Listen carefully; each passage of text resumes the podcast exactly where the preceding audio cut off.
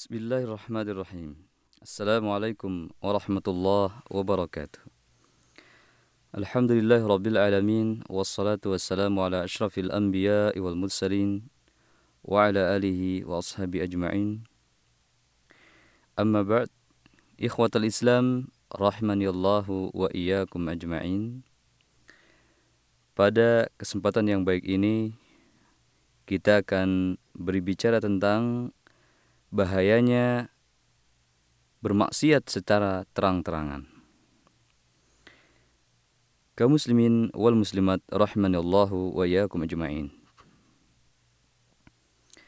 Sesungguhnya di antara perkara yang diyakini oleh kita umat Islam yaitu bahwasanya dosa dan kemaksiatan memiliki dampak yang pasti. Dosa dan kemaksiatan memiliki akibat yang pasti baik di dunia maupun di akhirat. Sebagaimana firman Allah Subhanahu wa taala menjelaskan tentang bahayanya perbuatan dosa yang dilakukan oleh seorang hamba. Dalam surat Al-Ankabut ayat 40 Allah Subhanahu wa taala berfirman Fakullan akhadna bidhambi. Semuanya kami siksa, kami azab sesuai dengan dosa mereka, dikarenakan dosa mereka. Faminhum man arsalna alaihi hasiba. Di antara mereka ada yang kami lempari dengan batu. Maaf, di antara mereka ada yang kami lempari dengan batu. Faminhum man akhadathu sayha dan di antara mereka ada yang kami timpakan kepada mereka suara petir yang mengguntur. Wa minhum man khasafna bihil arda dan di antara mereka ada yang kami azab dengan membenamkan mereka ke dalam bumi. Wa minhum man agraqna dan di antara mereka kami azab dengan ditenggelamkan di lautan atau ditenggelamkan di perairan. Wa ma kana Allahu liyadlimahum walakin kanu anfusahum yadlimun. Tidaklah Allah berbuat zalim kepada mereka melainkan mereka sendiri yang berbuat zalim terhadap diri mereka sendiri. Ikhwatal Islam rahimani Allah wa iyyakum ajma'in. Di antara dosa-dosa tersebut yang dilakukan oleh seorang hamba yaitu dosa yang ditampakkan. Dosa yang dilakukan dengan cara terang-terangan. Maksudnya yaitu dosa yang dilakukan oleh seseorang secara terang-terangan di depan umum atau secara terang-terangan dilihat dan didengar oleh manusia atau ia melakukan dosa dan tidak ada orang lain yang tahu, hanya dirinya sendiri. Dan Allah Subhanahu wa taala telah menutup aibnya tersebut, menutup dosanya tersebut dari manusia. Dari manusia, manusia tidak bisa mendengar dan tidak bisa melihatnya. Akan tetapi kemudian ia memberitahukan perbuatan dosanya kepada manusia sehingga manusia pun orang lain pun tahu akan perbuatannya. Inilah yang dikatakan dengan dosa yang nyata dengan terang-terangan berbuat dosa.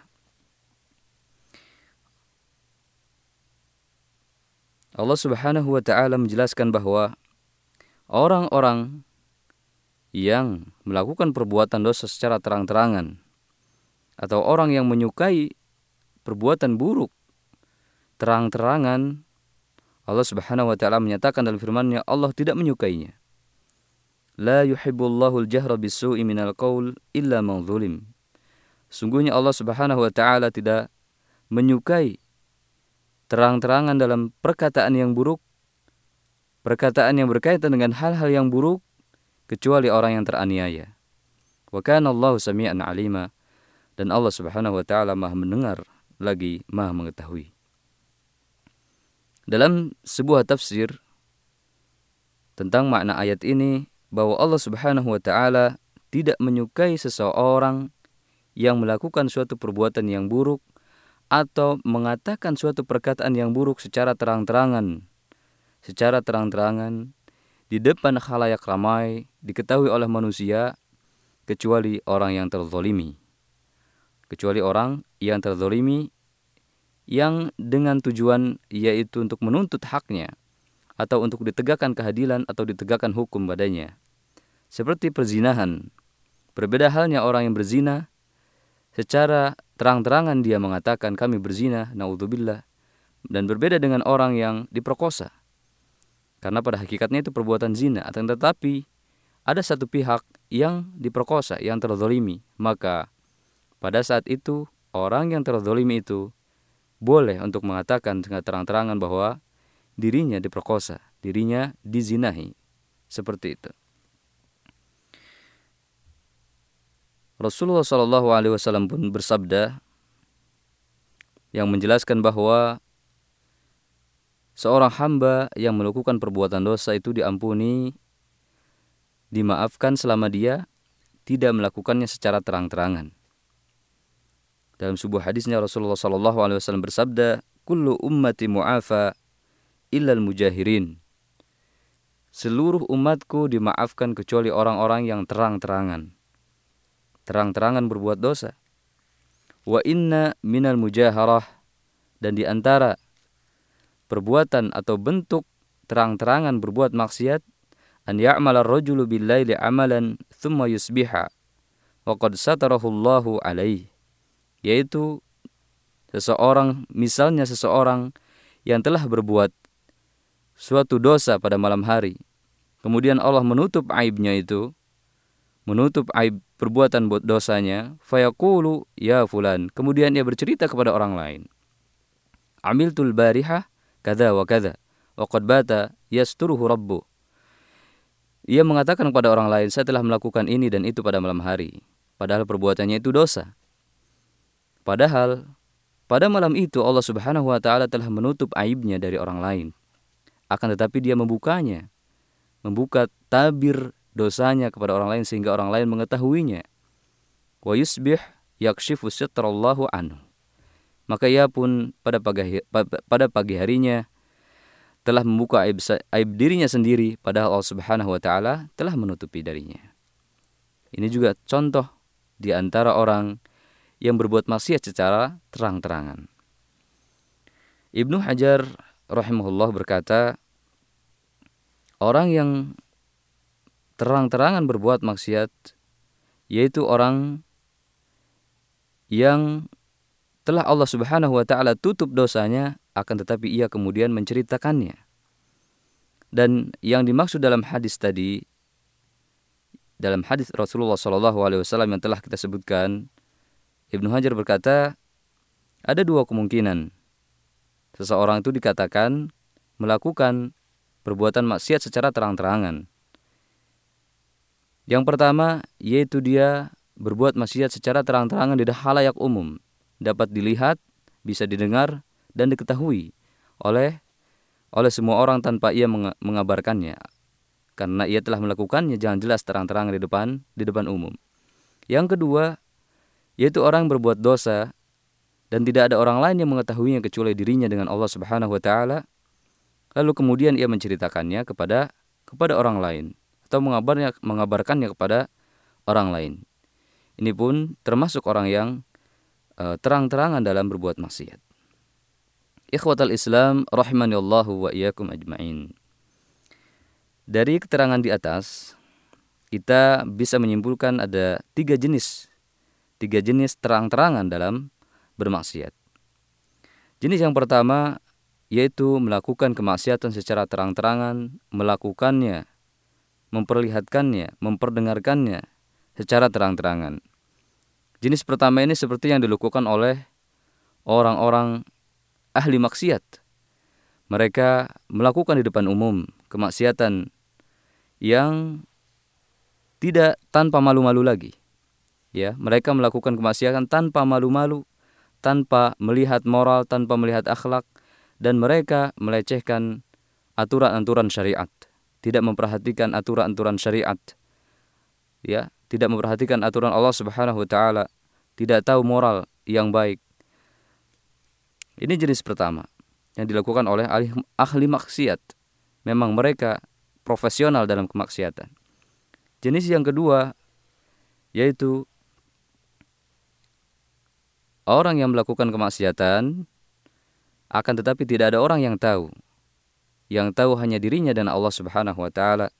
Allah pun Subhanahu wa taala telah menutupi uh, aib dosa-dosanya.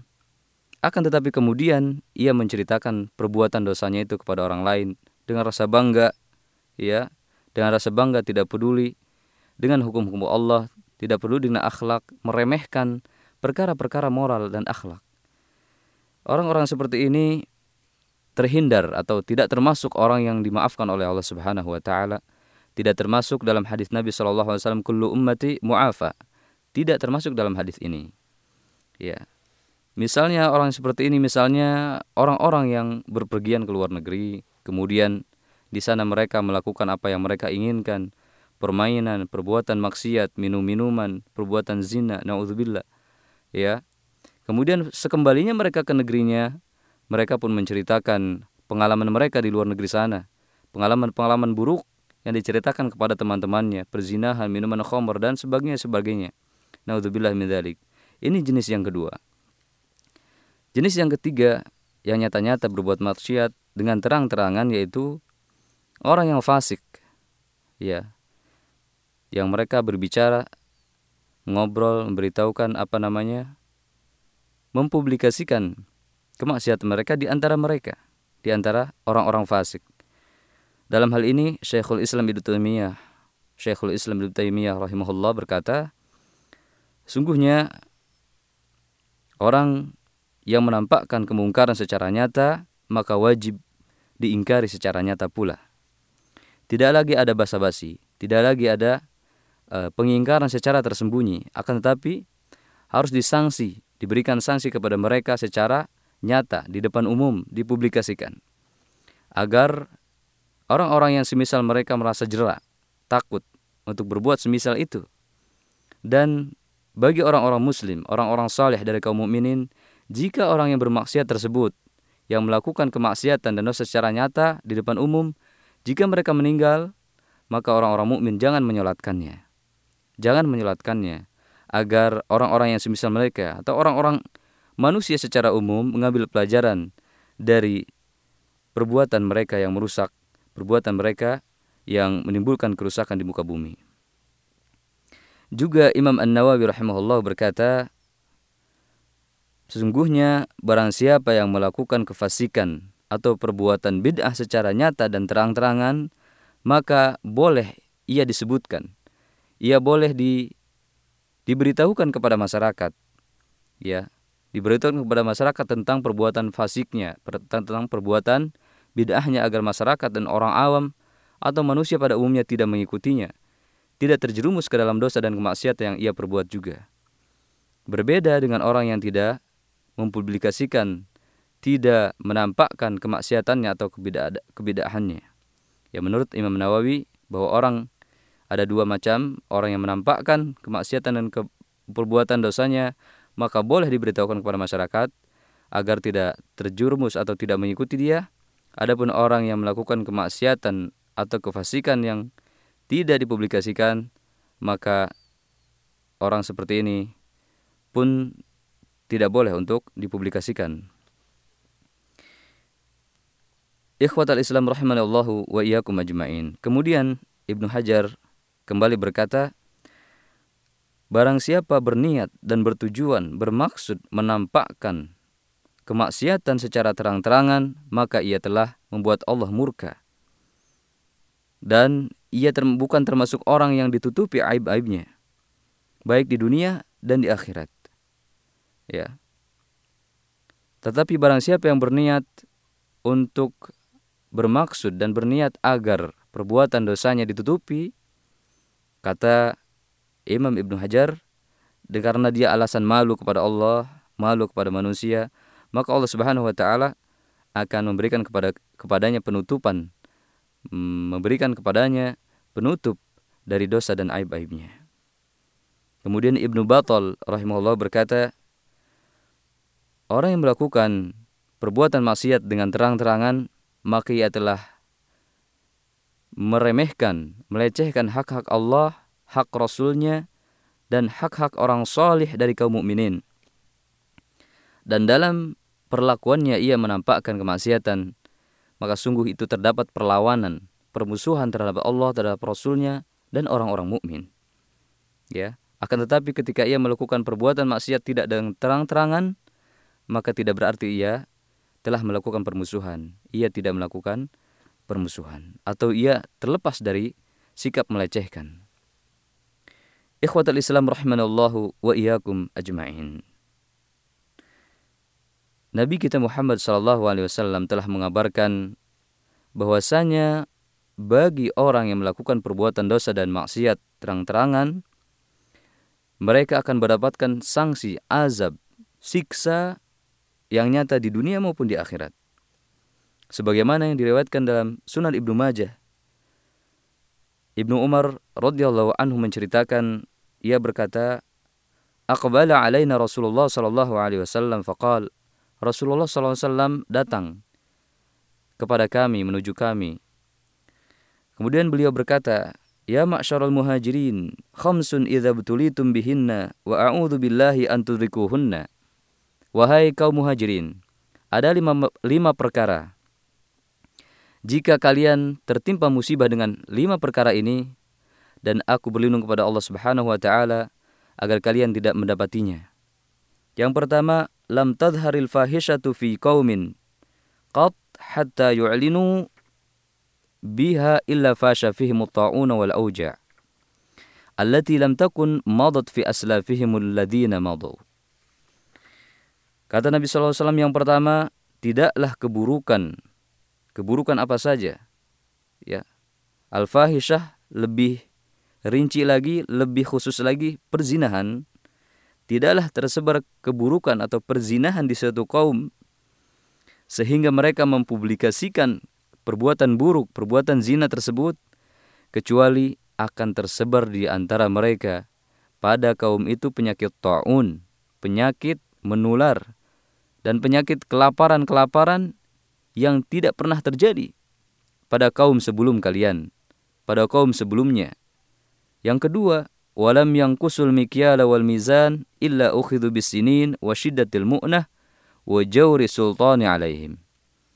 Dan tidaklah mereka suatu kaum mengurangi takaran dan timbangan, kecuali mereka akan ditimpa krisis dan kesulitan bertahun-tahun dan mereka akan dipimpin oleh para penguasa yang zalim, penguasa yang lalim. Yang ketiga, walam yamna'u zakata amwalihim illa muni'ul qatra minas sama' walaula al-bahaimu lam yuntaru. Tidaklah suatu kaum menahan zakat harta mereka, tidak mengeluarkan zakat harta mereka kecuali mereka akan terhalang dari hujan mereka akan ditimpa kemarau walaulal bahaimu lam yumtaru andai saja Allah Subhanahu wa taala menurunkan hujan tidak untuk hewan ya binatang melata niscaya mereka tidak akan mendapatkan hujan yang keempat walam yang kudu ahdallahi wa ahda rasulihi illa sallallahu alaihi aduan min ghairihim tidaklah suatu kaum ya mengingkari janji Allah Subhanahu wa taala mengingkari janji perjanjian dengan Allah dan perjanjian dengan Rasulnya, melainkan mereka akan dikuasai oleh musuh-musuh mereka. Fa'akhadhu ba'da ma fi aidihim. Kemudian musuh-musuh mereka pun akan mengambil, menguasai apa yang menjadi harta milik mereka. Yang menjadi hak milik mereka akan diambil oleh oleh oleh musuh-musuh mereka. Yang kelima yang terakhir kata Rasulullah SAW, "Waman lam tahkum bi a'immatuhum bi kitabillah wa yatakhayyaru mimma anzalallah illa ja'alallahu ba'sahum bainahum. Dan tidaklah para penguasa, para imam-imam berhukum dengan hukum selain kitab Allah. Mereka memilih selain kitab Allah dalam berhukum, melainkan Allah Subhanahu wa taala akan menjadikan kesusahan, kesulitan di antara mereka. Hadis ini disahihkan oleh Imam Al-Albani rahimahullah. Kemudian dalam hadis yang lain Rasulullah SAW bersabda, fi hadhil ummah khasfun wa maskhun wa qadhfun. Umat ini akan ditimpa bencana berupa dibenamkan ke dalam bumi, dirubah muka mereka dari manusia menjadi wujud yang lain seperti kaum Yahudi berubah menjadi menjadi babi eh, menjadi kera. Wa dan mereka akan dilempari oleh batu. Ya. Kemudian para sahabat bertanya, salah seorang sahabat bertanya, "Ya Rasulullah, kapan ini terjadi? Kapan bencana seperti ini terjadi?" Rasulullah SAW bersabda, menjawab, "Idza dhaharatil qainat." Idza dhaharatil qainat, yakni jika para penyanyi, para penjoget yang membuka aurat yang menggoda terlihat telah nampak tersebar banyak wal ma'azif tersebarnya alat-alat musik wa syuribatil khumur dan minuman-minuman keras diperdagangkan, diminum-minum, dihalalkan. Kaum muslimin wal muslimat rahimani Allahu wa iyyakum ajmain. Pada zaman ini, kita lihat fenomena pada zaman kita sekarang ini. Di antara contoh nyata yang merupakan termasuk kemaksiatan secara terang-terangan yaitu tersebarnya televisi-televisi atau channel-channel informasi yang menampakkan aurat ya menampakkan aurat membuat program-program kemaksiatan musik sihir perdukunan dan segala macam hal yang berbau maksiat di antaranya juga tersebarnya bank-bank ribawi dengan berbagai macam penawarannya ada bunganya yang dinikmati, yang dinikmati bahkan dipublikasikan keuntungan-keuntungannya tersebar di belahan bumi terkhusus di, di negara kita Indonesia.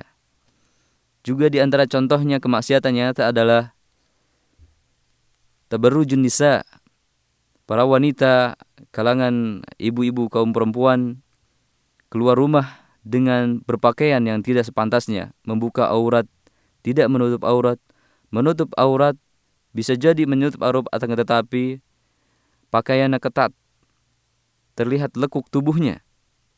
Ya ini juga termasuk dari kemaksiatan yang nyata.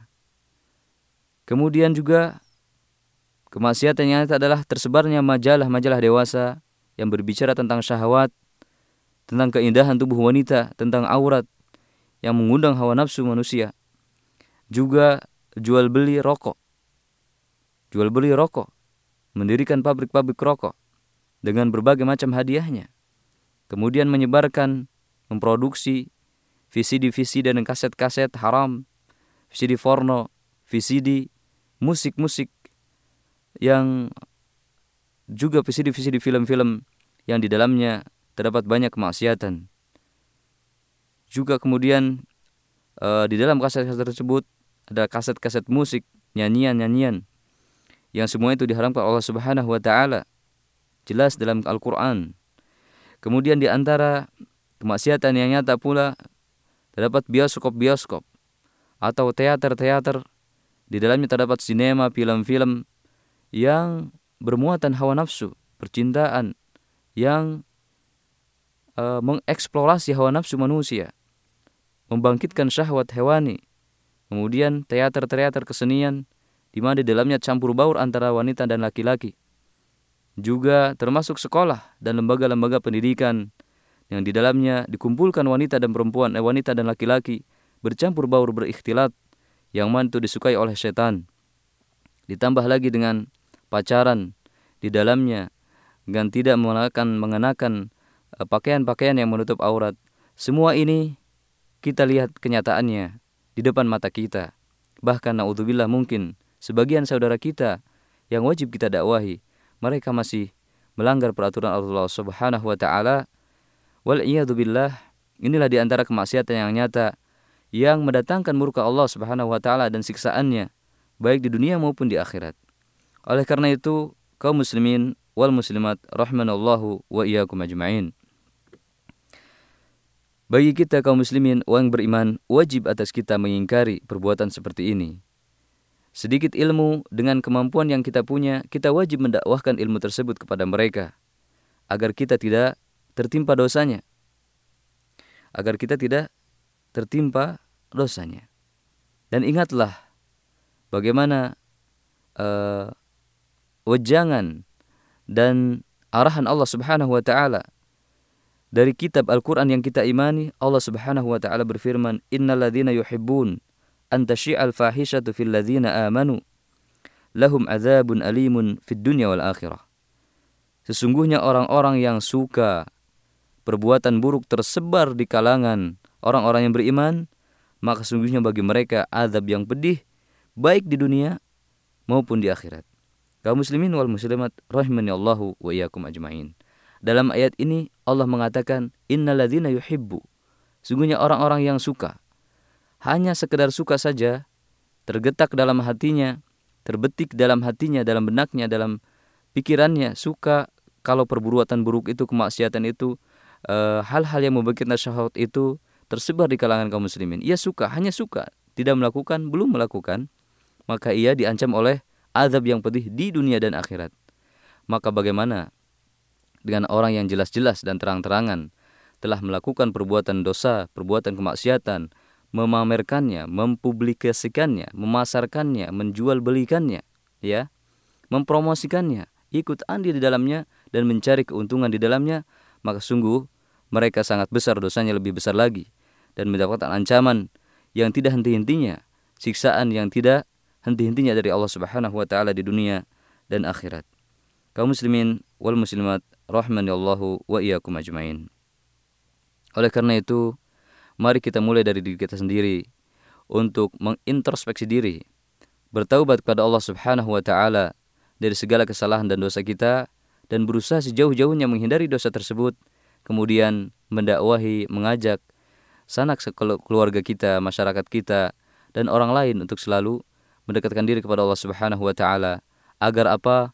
Agar kita selamat sejahtera di dunia dan akhirat.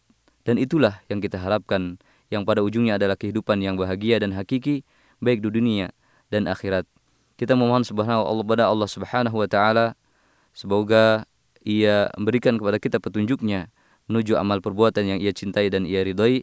Demikianlah yang bisa saya sampaikan pada kesempatan ini. Akhir kalam, Alhamdulillah Rabbil Alamin. Wassalamualaikum warahmatullahi wabarakatuh.